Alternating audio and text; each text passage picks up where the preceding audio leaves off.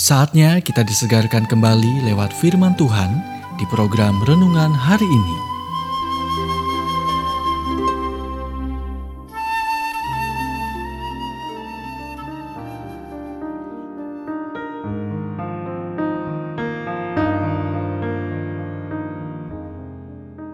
Renungan hari ini berjudul "Maafkanlah Mereka".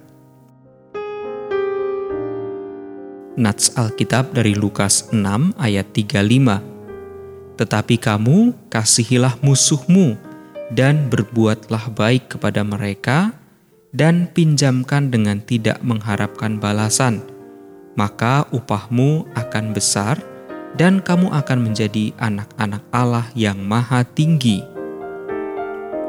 Dalam bukunya Beneath the Cross of Jesus, Leonard Griffith bercerita tentang seorang mahasiswa pertukaran anak muda Korea yang menjadi pemimpin dalam lingkaran Kristen di University of Pennsylvania.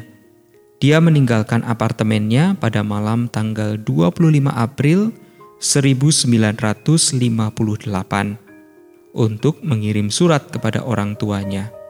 Saat dia berbalik dari kotak pos, dia bertemu dengan sebelas remaja laki-laki berjaket kulit. Tanpa sepatah kata pun, mereka memukulinya dengan tongkat, pipa timah, sepatu bot, dan tinju mereka, dan meninggalkannya mati di selokan. Penduduk Philadelphia berteriak menuntut balas, dan jaksa wilayah mengumumkan di televisi bahwa dia akan menuntut hukuman mati. Kemudian surat berikut tiba, ditandatangani oleh orang tua anak laki-laki itu dan 20 kerabat lainnya di Korea. Keluarga kami telah bertemu bersama dan kami telah memutuskan untuk mengajukan petisi agar perlakuan yang paling dermawan dalam hukum pemerintahan Anda diberikan kepada mereka yang telah melakukan tindakan kriminal ini.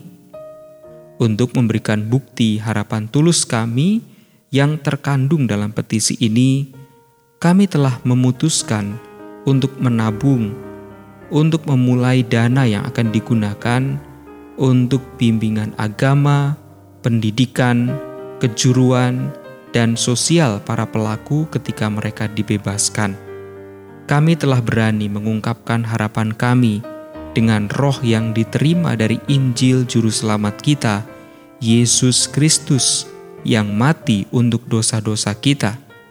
Kisah ini membawa pengampunan ke tingkat yang sama sekali baru, bukan? Ini juga mengajarkan bahwa ketika Anda memaafkan, Anda melepaskan kursi korban dan duduk di kursi pemenang. Dan itulah yang Yesus pikirkan untuk Anda hari ini. Anda baru saja mendengarkan renungan hari ini. Kiranya renungan ini terus mengarahkan kita mendekat kepada Sang Juru Selamat, serta menjadikan kita bertumbuh dan berakar kuat di dalam Kristus.